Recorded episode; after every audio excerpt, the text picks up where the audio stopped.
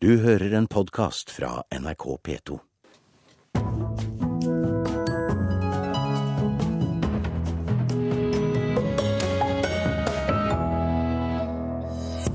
Hellas lar sin offentlige TV-kanal gå i svart, og radioen blir taus. Rikskringkasteren ERT er tatt av luften for å spare penger. Stiklestad var et betydelig høvdingsete, tror arkeologer som har funnet restene av to store langhus. Og Roald Amundsens skip Gjøa har endelig fått tak over hodet. Vi begynner Kulturnytt eh, i Hellas. Den greske rikskringkasteren ERT er tatt av luften etter å ha nektet å rette seg etter krav om budsjettkutt. Kulturkommentator Agnes Moxnes, du befinner deg i Hellas. og Hvorfor har den greske regjeringen nå gått til det skritt å stenge hele eh, allmennkringkasteren? Ja, Det er jo fordi eh, i Hellas de siste årene har hatt så store økonomiske kriser at det er, eh, altså er eh, politikken her i landet nå, styrt av EU og Den europeiske pengeunionen, er jo å si opp de statlige ansatte. Sånn at ERT, eller ERT som de sier her, har jo vært i, i søkelinjen veldig lenge, men det skjedde altså i går at statsministeren eh, gikk ut og sa at eh, nå går TV-kanalene i svart og radiokanalene i svart. Og Det kom som et uh, sjokk på at dette faktisk nå skal realiseres. Og Det er det altså da blitt gjort i løpet av det siste døgnet. ERT er et tilfelle av utrolig mangel på, uh, på, gjennomsiktighet og en utrolig sløseri, sier altså regjeringens uh, talsmann. Men hvor stor oppslutning er det om ERT i folket? Ja, De sier, snakker jo om ERT som, som et altså De sier at det er ikke rom lenger for hellige kuer i dette landet her. Eh, oppslutningen om ERT er, er lav.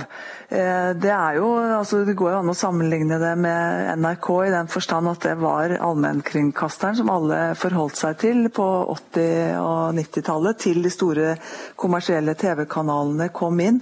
Og de har nok ikke klart i løpet av de siste årene å gjeninnta posisjonen som en viktig journalistisk og samlende kraft. Eh, og det har nok handlet veldig mye om at de har sett på seg selv, de 2700 vel, som nå er blitt eh, sagt opp i løpet av det siste døgnet, at de har sett på seg selv mer som representanter for de statlige ansatte, og kanskje vært mindre opptatt av å bruke denne situasjonen som en journalistisk mulighet til å gjeninnta posisjonen som den sentrale journalistiske aktøren i dette landet. For de har jo hatt kanalene. Tre TV-kanaler, fire nasjonale radiostasjoner og pluss de regionale. Hvilken rolle har ERT eh, spilt eh, under krisen i Hellas? Det har egentlig altså De har, eh, som jeg sa, kanskje først og fremst hatt rollen som eh, altså de, har, de har vært eh, sterke politiske signaler fra dem. Det har vært mange streiker i ERT. Sånn at når denne meldingen kom fra Samaras og, og regjeringen i går, så er det også et politisk signal til ERT om at det er en irritasjon og en mangel på vilje til å la dem fortsette. Nå sier de jo det, myndighetene sier det, at uh, man sier nå opp alle sammen, og så skal man reorganisere og komme tilbake med en mye mer slagkraftig nasjonal kringkaster. Men uh, folk jeg snakket med her på den øya hvor jeg befinner meg akkurat nå, de har liten tro på at uh, det skal skje. Og, og, det er jo ikke noen liksom, publikumskraft Eh, kan det virke som, som kommer til å stå opp og liksom slåss for, eh, for ERT. Selv om da lederen av opposisjonspartiet her, Alexis Sipras, Tsipras, kaller dette et statskupp. I og med at det bl.a. ble sendt ut politifolk i løpet av går, kvelden i går og, og natta i natt for å stenge sendere. Takk skal du ha, Agnes Moxnes, NRKs kulturkommentator som befinner seg i Hellas, der regjeringen altså har stengt hele allmennkringkastingen og alle dets radio- og TV-kanaler.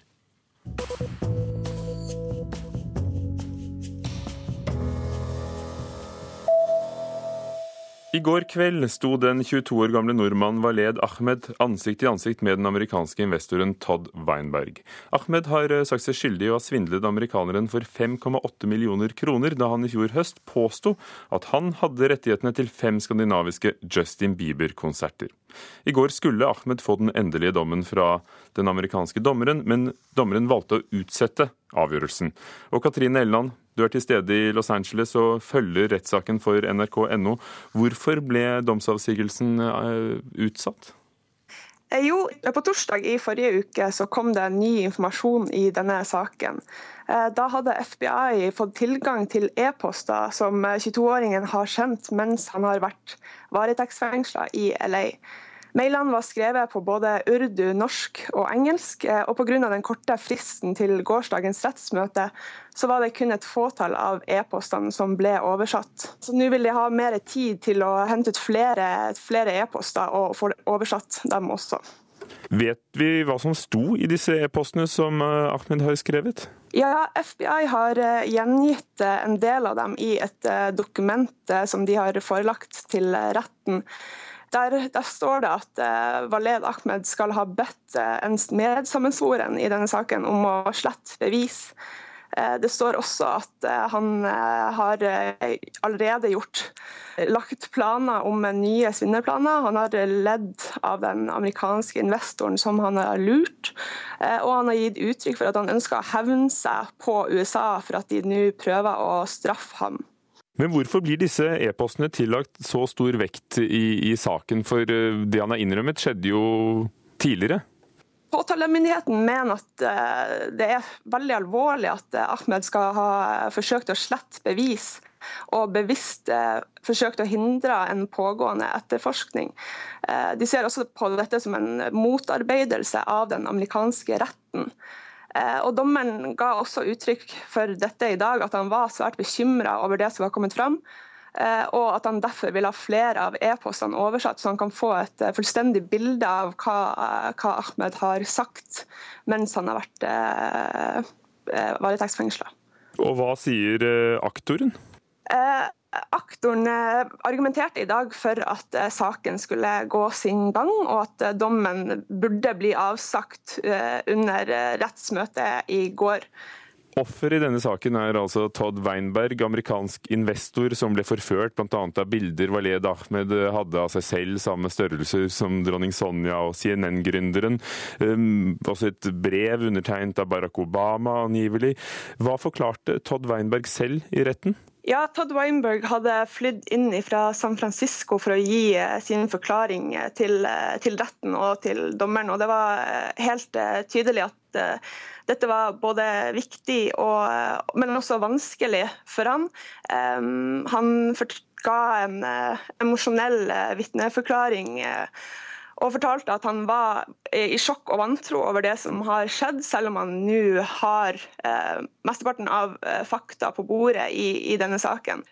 Eh, Weinberg fortalte også hvordan han er blitt påvirka av eh, denne saken, både økonomisk eh, og emosjonelt.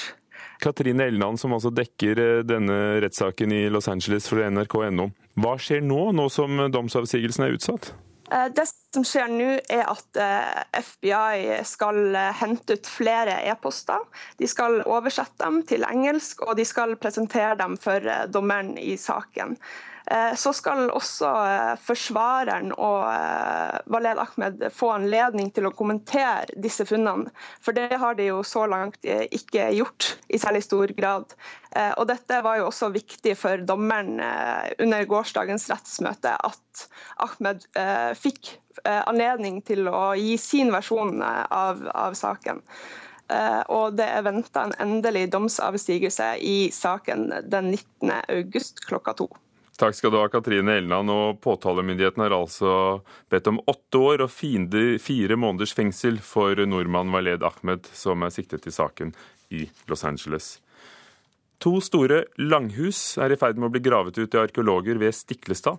Dette er gledelig og viser Stiklestads eh, betydelig rolle i historien, sier konservator Per Steinar Råen ved Stiklestad nasjonale kultursenter. Det er eh, arkeologer fra Vitenskapsmuseet i Trondheim som eh, graver, og vår reporter Bjørn Solli har vært med på utgravningsfeltet. Vi har funnet to eh, langhus. Vi har ikke enden på dem. Det lengste vi har er nå over 50 meter langt. Ute på et jorde, kloss inntil veien like overfor Stiklestad, har arkeologene tatt vekk omtrent en halvmeter av jordlaget. Og under matjorda avtegner det seg et mønster som arkeologene kan forstå, sier feltleder Marte Mokkelbost. Akkurat her da, så er undergrunnen den er jo sånn rødbrun, lys rødbrun i farge. Og så er strukturene mørke. Så når de finner da mørke flekker her i, i det laget, så vet vi at da er det noe der. Da vet vi det, ja. At de skulle finne spor etter bosetting her er ikke overraskende, for rett på oversida ligger de store gravhaugene som tilhører Hallem-feltet. Og det er også gjort funn av såkalte stolpehull akkurat her før, sier Marte Mokkelpost, men uten at man har skjønt det omfanget som nå avdekkes. Men det var ikke påvist noe system i stolpehullene, så at vi skulle finne to sånne fine hus, det var uventa. Og to sånne svære hus er veldig sjeldent. Vi vet jo ikke om de er samtidig ennå, de husene, så vi får datere dem og se om de har stått der samtidig. Eh, men det største huset det er jo det er stort i norsk målestokk. og Det har jo en altså 50 meter langt, det er uvanlig. Og det har en bredde på ca. 8 meter, i hvert fall på det bredeste. Vi lurer nå på om det kan være så stort at det er snakk om en hall, da, og ikke bare et vanlig bolighus. Men vi må undersøke litt mer, da. Konservator og fagsjef ved Stiklestad nasjonale kultursenter, Per Steinar Raan, sier at funnet vil gi et enda sterkere fundament til historieformidlinga på Stiklestad, og han er ikke overraska over det arkeologene nå avdekker. Nei, egentlig ikke. Vi vet jo at det er et område med veldig mye gravhauger fra jernalder eh, i området her. Og eh, i lys av det så bør det jo være eh, også spor etter bosetting og, og, ikke minst hus, for de må jo ha bodd et sted, disse folkene. Også professor i arkeologi ved Universitetet i Trondheim, Lars Stenvik, lar seg imponere over dimensjonene på huset som nå avdekkes. Det er først og fremst eh, størrelsen på huset her da, som er uvanlig. Eh, nå er jo huset i denne perioden bygd med jordgravde stolper, så byggeteknikken er jo kjent. Men det er jo, det er jo størrelsen på huset som, som, er spesielt. Hva forteller det om Stiklestad-området? Og Det forteller jo at uh, her er det et spesielt område. Uh, nå er det sånn at det Huset som er funnet her, det ligger jo tett opptil det store gravfeltet på Hallem. Og Her ligger jo noe av det største gravhaugene vi kjenner til i Norge. Så det miljøet er litt spesielt. Og Vi tror jo at uh, det har vært et viktig høvdingsete da, tilbake i jernalderen. Helt tilbake kanskje til tida rundt Kristi fødsel og etter den tida. Det er altså flere spor etter det som må ha vært et gammelt maktsentrum arkeologene har avdekka på Stiklestad nå. Og feltet er slettes ikke ferdig studert ennå, sier arkeolog Marte Mokkelvost. De må se nærere på enkeltområder. Vi har med oss en metalldetektor òg, som vi har tenkt å bruke på enkelte områder her, da. Eh, midt i huset her så det, ser det ut som det kan være bevart eh, del av et gulv. Og da håper vi at vi kanskje kan finne noen sånn metallrester der, da. Folk har mista noe eller noe sånt. Gullmynter og store rikdommer? Nei, kanskje heller en jernkniv eller noe sånt. Sa arkeolog Marte Mokkelbost til reporter Bjørn Solli på Stiklestad. 18 minutter over åtte, Kulturnytt i Nyhetsmorgen. Overskriften i dag. Finnmark er fullt av dumpet sprengstoff. Forsvaret frykter konsekvensene hvis det blir skogbrann. Få nordmenn gir penger til tiggere, men likevel lønner det seg for tiggerne å komme til Norge. Og kopien av Bire-madonnaen er snart ferdig og glimrer i gull, slik originalen gjorde på 1200-tallet. I 1903 skulle Amundsen ut på sin første selvstendige forskningsreise, den som ble til Gjøaferden. Han søkte etter tre isaksmenn fra Tromsø, hvor skuta har hørt hjemme. Jeg var da en av de heldige som fikk plassen. Hvor mange mann var de med på skuta? Galt syv mann, hvorav to fra Tromsø. Dette fortalte skipstilsynsmann på Amundsens skute Gjøa, Helmer Hansen, i samtale med Skolekringkastingen i 1936. Roald Amundsens skip Gjøa har endelig fått tak over hodet. I 107 år har skipet, som tok Amundsen gjennom Nordvestpassasjen, stått ute i vær og vind. Og nå, i dag, har det fått plass under taket altså på Fram-museet i Oslo. Ja, her er øya. Endelig hus.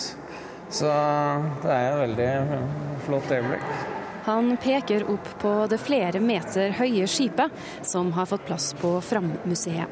Skipet Gjøa tok Roald Amundsen gjennom Nordvestpassasjen i 1906, og markerte starten på Amundsens polareventyr.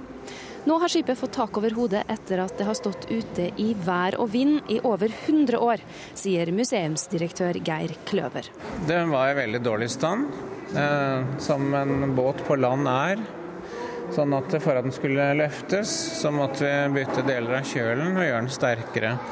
Vi mener jo at den eh, er et veldig viktig norsk fartøy. Og det er jo den første skuta som seilte gjennom Nordvestpassasjen. Den viser litt det med ja, norsk entreprenørskap og målbevissthet. Å komme gjennom der ingen andre kom fram. Så det er nedgang til forleggeren der, og så akterleggeren der hvor Amundsen og nestkommanderende bodde. Hva er de eh, små eh, skurene her, da? Ja, det var jo lager, og de hadde jo toalett også. I hele natt ble det jobbet iherdig med å ferdigstille skipet og den nye utstillingen om norsk polarhistorie. For i dag kommer kong Harald på besøk. Historien om Gjøa er viktig for norsk kulturarv, mener Amundsen-biograf Alexander Wisting. Det er jo godt at myndighetene omsider kjenner sin besøkelsestid på å investere litt i dette. her, For det er jo en, på en måte starten på Amundsens historie, og egentlig starten på det siste store polarframstøtene fra norsk side. Så betyr det at historien rundt båten blir litt lettere å formidle. Altså blir det en ramme rundt det, du får det fysiske objektet der, men på det kan man jo putte alle de spennende historiene rundt Amundsen. Om museet får finansieringen på plass, blir det også mulig for publikum å gå om bord i skipet for å se hvordan Amundsen og hans mannskap levde. Og så da bodde de nedi her, da? Fem mann der og to mann akter. Og når da skroget er forsterket, eh, satt inn en del eh, ja, fundamentale innretninger inne, så kan folk gå om bord igjen. Mm. Det var uh, museumsdirektør Geir Kløver ved Frammuseet, og reporter Eirin Venås Sivertsen hadde vært og sett på Gjøa under tak.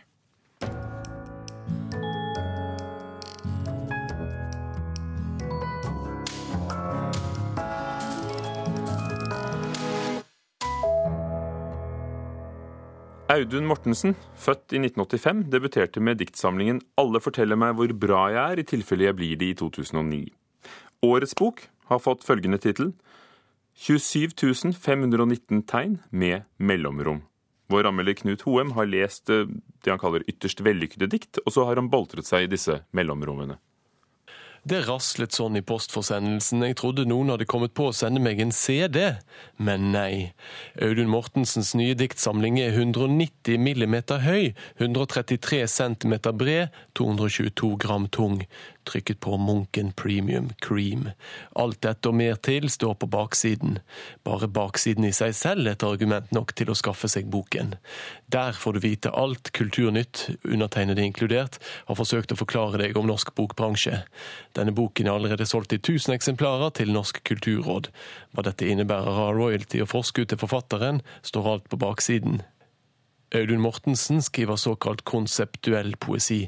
Hva det innebærer, har jeg ikke plass til å forklare her. Du får google det.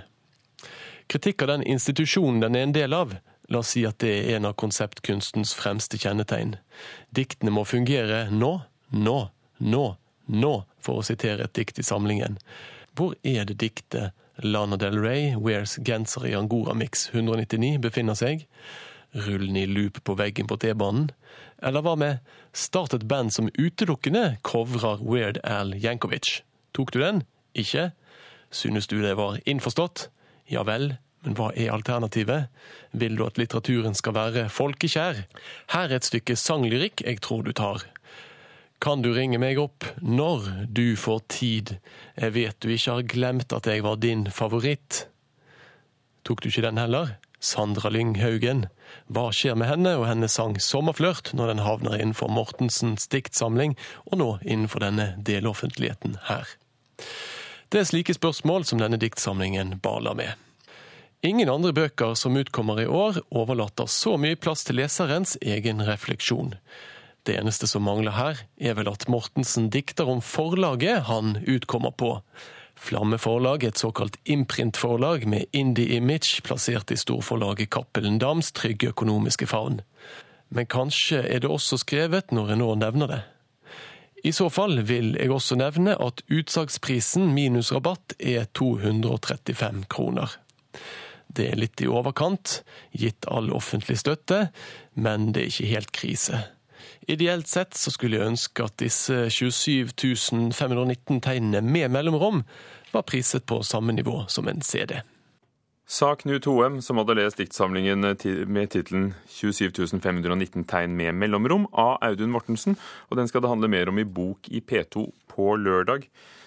Biri kirke vil ha tilbake Madonna-figuren fra 1200-tallet, men Kulturhistorisk museum i Oslo vil beholde den. Nå har menighetsrådet på Biri i Oppland med hjelp av ny teknologi fått eh, laget en tro kopi av den åtte år gamle kulturskatten, som snart er ferdig. Her ser vi Madonna fra Biri, som er eh, annen halvdel 1200-tall. Kulturhistorisk museum i Oslo. Malerikonservator Kaja Kollandsrud viser den originale Biri-madonnaen fra 1200-tallet. Og det er eh, sølvfolier, det er lag på lag med lasur Den 800 år gamle, litt over én meter høye Madonna-figuren med Jesusbarnet forsvant fra gamle Biri stavkirke i Gjøvik da kirka ble revet i 1770-åra.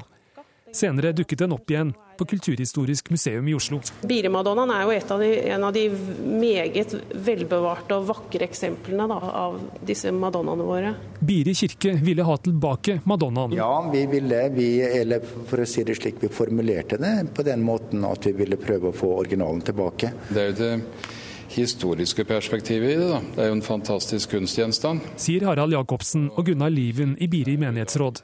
Men Kulturhistorisk museum vil ikke gi fra seg Madonnaen fra Biri. Den vil vi helst ikke gi fra oss, og det er jo særlig fordi det er et ansvar å oppbevare en sånn skulptur. Her er det regulert med klima, og den har det godt hos oss. Og den står også tilgjengelig i utstillingen, så mange kan se den her. Da tok menighetsrådet fra Biri skjea i egen hånd med ny teknologi, 3D-skanning, fresing og finskjæring. Nå er vi for å se hvor langt arbeidet med å lage kopien har kommet. I samarbeid med landets fremste fageksperter har de nå fått laget en tro kopi av den 800 år gamle kulturskatten slik den så ut da den var ny. Vi, vi er nok på riktig sted, tror jeg. Komitémedlemmene fra Biri menighetsråd er henrykte over resultatet. Fantastisk spennende å se. Veldig fin og blank og glatt. Kan, kan jeg ta på den? Ja. I fem måneder har billedkunstner og malerikonservator Marianne Selsjord holdt på med å gjenskape de opprinnelige farvene på den gamle Madonna-figuren. Jeg syns det er forferdelig spennende, men det er også utrolig tidkrevende og veldig slitsomt. Ennå gjenstår et halvt års arbeid før hun er ferdig. Dette er da agat, også middelalderen brukte de ulvetenner.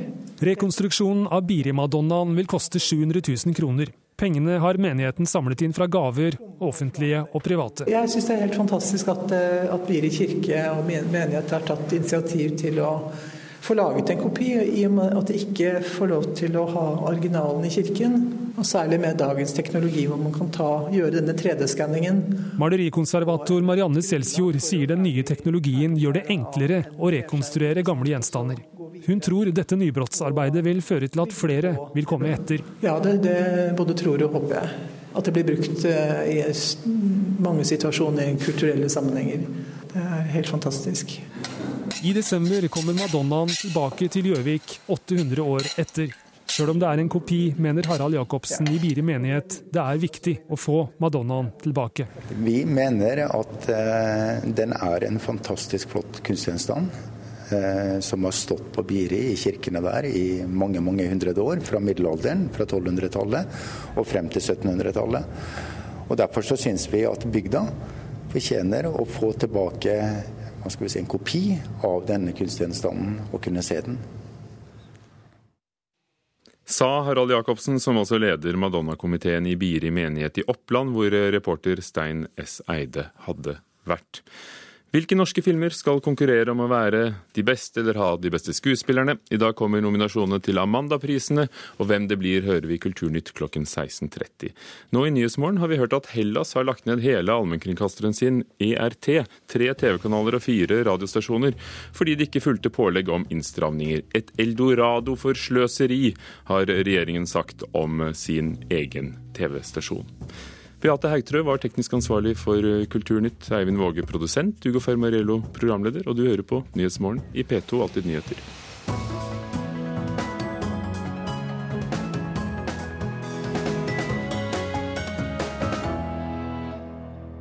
Du har hørt en podkast fra NRK P2.